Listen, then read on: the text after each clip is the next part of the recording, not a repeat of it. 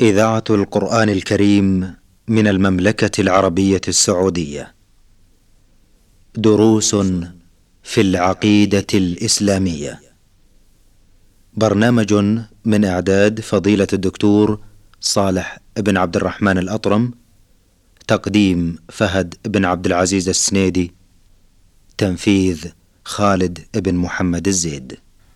بسم الله الرحمن الرحيم الحمد لله رب العالمين والصلاة والسلام على أشرف الأنبياء والمرسلين نبينا محمد وعلى آله وصحبه أجمعين أيها المستمعون الكرام السلام عليكم ورحمة الله وبركاته وأسعد الله أوقاتكم بكل خير وأهلا ومرحبا بكم إلى حلقة جديدة من برنامجكم دروس في العقيدة الإسلامية في مطلع هذا اللقاء نرحب بفضيلة الدكتور صالح بن عبد الرحمن الأطرم عضو هيئة كبار العلماء. فأهلا ومرحبا بكم شيخ صالح. حياكم الله وبارك الله بالجميع. حياكم الله.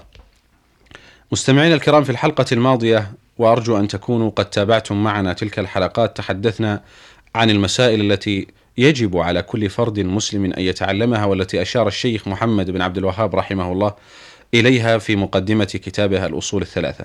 الحلقة الماضية تحدثنا يا شيخ عن المسألة الأولى وهي مسألة العلم. نعم.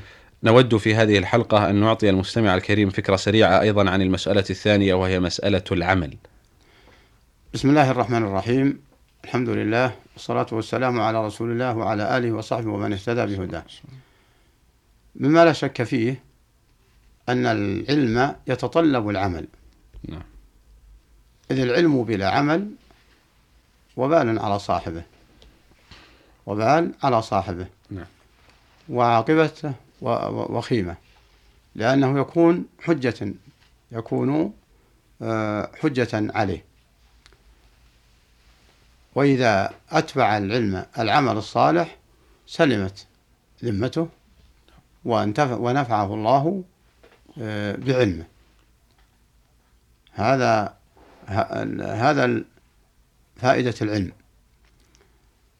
فالعمل الصالح يعني وصفه بالصالح معناه الموافق لما جاء به القرآن والسنة لما جاء على لسان الرسول عليه الصلاة والسلام. هذا هو العمل الصالح الموافق للأدلة الشرعية للعمل الذي يرضي يرضاه الله وفيه متابعة للرسول. هذا هو العمل الصالح فلفظة الصالح ضد الفاسد. نعم. ضد الفاسد. إذا الفاسد ما فسد أصله أو ما اعترضه ما يخل به. ما يخل به. وفي هذا إشارة إلى أن العلم مجرد إذا تجرد عن العمل أنه آه، لا ينفع صاحبه مهما كان. نعم. ويظهر هذا بالأمور المحسوسة. حتى بالأمور المحسوسة. نعم. فلو كان يعرف علما من الصناعات كالنجارة والحدادة وغير ذلك من المهن والحرف ولكن لا يعمل إنما هو جالس يتكفف الناس فلا يشتغل فيأكل بيده. وهو وهو متعلم وعارف لهذه الأعمال. فكل من عرفه سيوجه له النقد وسيوجه له اللوم وسيسخر به. فإذا كان الأمر كذلك في المحسوسات فإن طلب العمل الصالح بعد العلم كما أمره الله وأمره نبيه هو المطلوب. فلهذا رحمة الله عليه قال الأولى العلم والثاني العمل. والأدلة على أن العلم لا ينفع من دون عمل كثيرة جدا وكلام العلماء وعالم بعلمه لم يعملا معذبا من قبل عابد الوثن. أي إذا علم علما ولم يقم به فعلم مثلا أن لا إله إلا الله ترفض ترفض عبادة ما سوى الله ثم يذهب يستغيث بغير الله فيما لا يقدر عليه إلا الله أو ينذر لله أو يذبح لله أو يستعيذ بالله. فهذا لم ينتفع بلا إله إلا الله ولم ولم يعرف معناها في الحقيقة. وإن عرف معناها فيعتبر ذلك منه عنادا ومشاقة وزيادة وزيادة بلى عليه.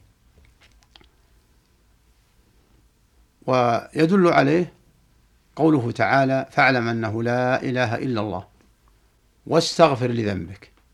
فبدأ بالعلم. قال فاعلم أنه لا إله إلا الله. نعم ثم أتبعه العمل واستغفر لذنبك. فلا يعجبك مجرد أن تقول لا إله إلا الله. طبعا هذا الخطاب للرسول عليه الصلاة والسلام لكن يراد أيضا أمته. فالرسول معصوم ومع ذلك يمتثل هذه الآية. فكان يستغفر باليوم والليلة أكثر من سبعين مرة. اللهم صل ويقول بعض الصحابة مئة مرة. آه. امتثالا لهذا مع أنه مغفور له من ذنبه ما تقدم وما تأخر.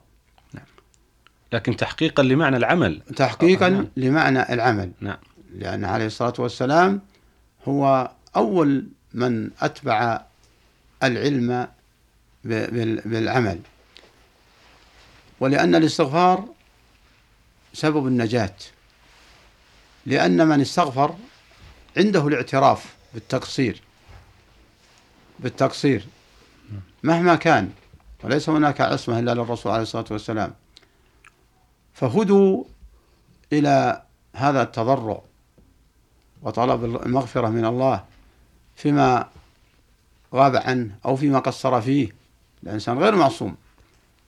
ولهذا جعل الله سبحانه وتعالى آه، سببين لعدم تعذيب أمة محمد في وقته سببين في وقته.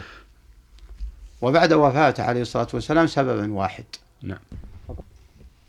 قال الله تعالى وما كان الله ليعذبهم وما أنت فيهم وما كان الله معذبهم وهم يستغفرون.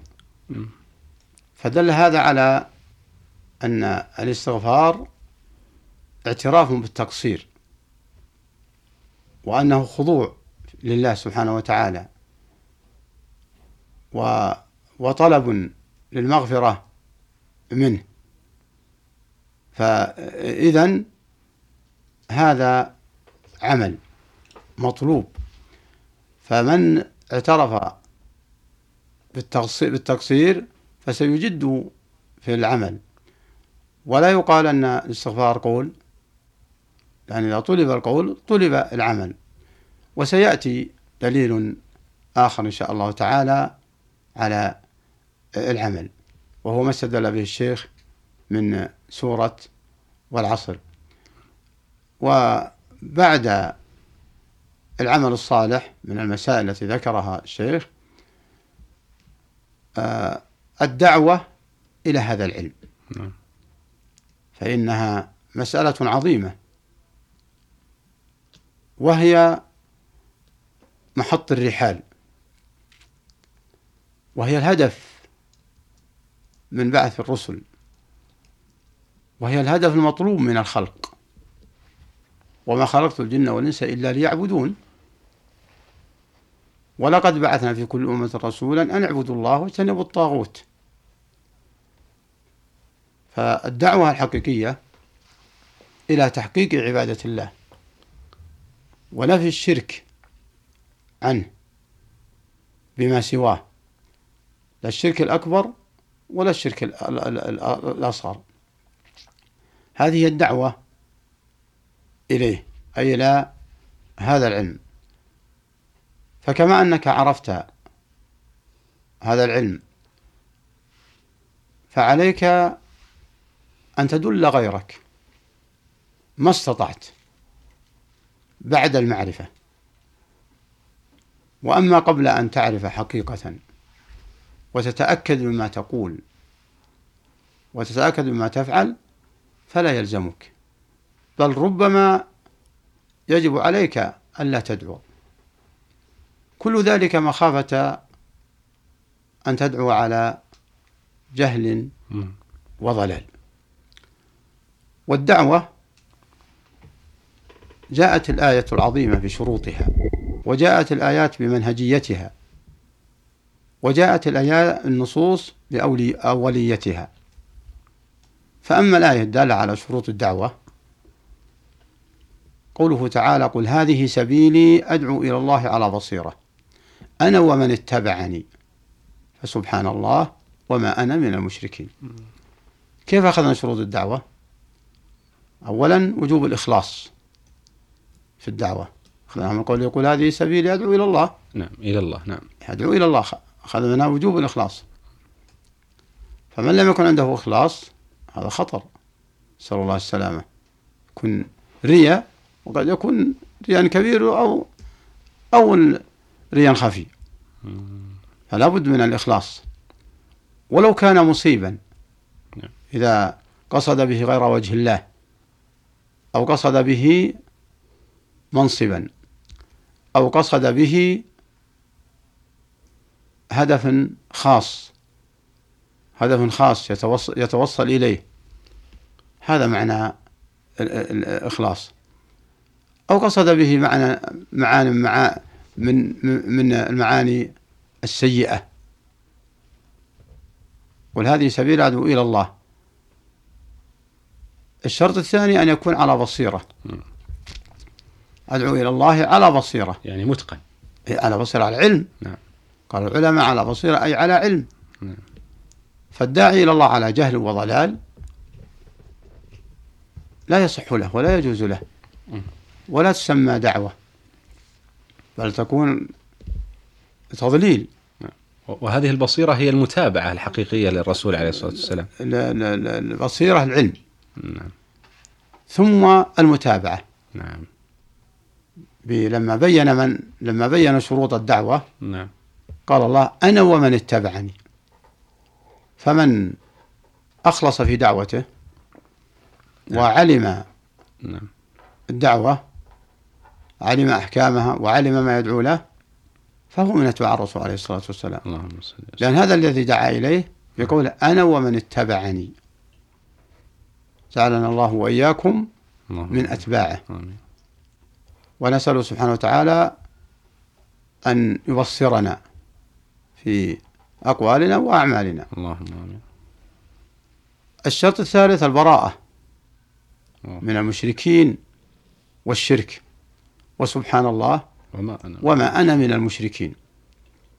فإن أحببت المشركين أو أحببت الشرك فأنت لم تنزه الله ولم ينفعك الدع... تنفعك.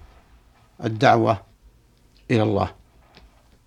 لأن مقتضاها إفراد الله إفراد الله بالعبادة وتنزيهه سبحانه عن الشرك. والبراءة من أهل الشرك. فإذا ما حصل هذا اختلت دعوتك. وسبحان الله وما أنا من المشركين. وجاءت الآيات وجاءت الآية الأخرى في بيان منهجية الدعوة ويقوله تعالى ادعو إلى سبيل ربك بالحكمة والموعظة الحسنة وجادلهم بالتي هي أحسن. والآية الأخرى في فضل الدعوة ومن أحسن قولا ممن دعا إلى الله وعمل صالحا. وقال إنني من المسلمين. فالدعوة إلى الله أمر عظيم. يتحتم ويجب على من أحبها ورغب في الدخول فيها أن يكون على بصيرة أن يتعلم ويمعن النظر في الآية التي دلت على شروطها ومنهج والآية التي دلت على منهجيتها وعلى فضلها. فلا يأخذ فضل الدعوة ويهمل الآيات الدالة على الشروط والمنهجية. فإن لكل غاية أسباب وإذا لم تحصل الأسباب لم تحصل الغاية. نعم. شكر الله لكم شيخ على هذا البيان وأتمنى بإذن الله أن نكمل الحديث في حلقات قادمة حيث انتهى آه، وقت هذا الدرس. فشكرا لكم وشكرا لكم مستمعينا الكرام وتقبلوا في الختام. تحية زميلي أحمد الغامدي من الهندسة الإذاعية والسلام عليكم ورحمة الله وبركاته. دروس في العقيدة الإسلامية. برنامج من إعداد فضيلة الدكتور صالح بن عبد الرحمن الأطرم تقديم فهد بن عبد العزيز السنيدي تنفيذ خالد بن محمد الزيد.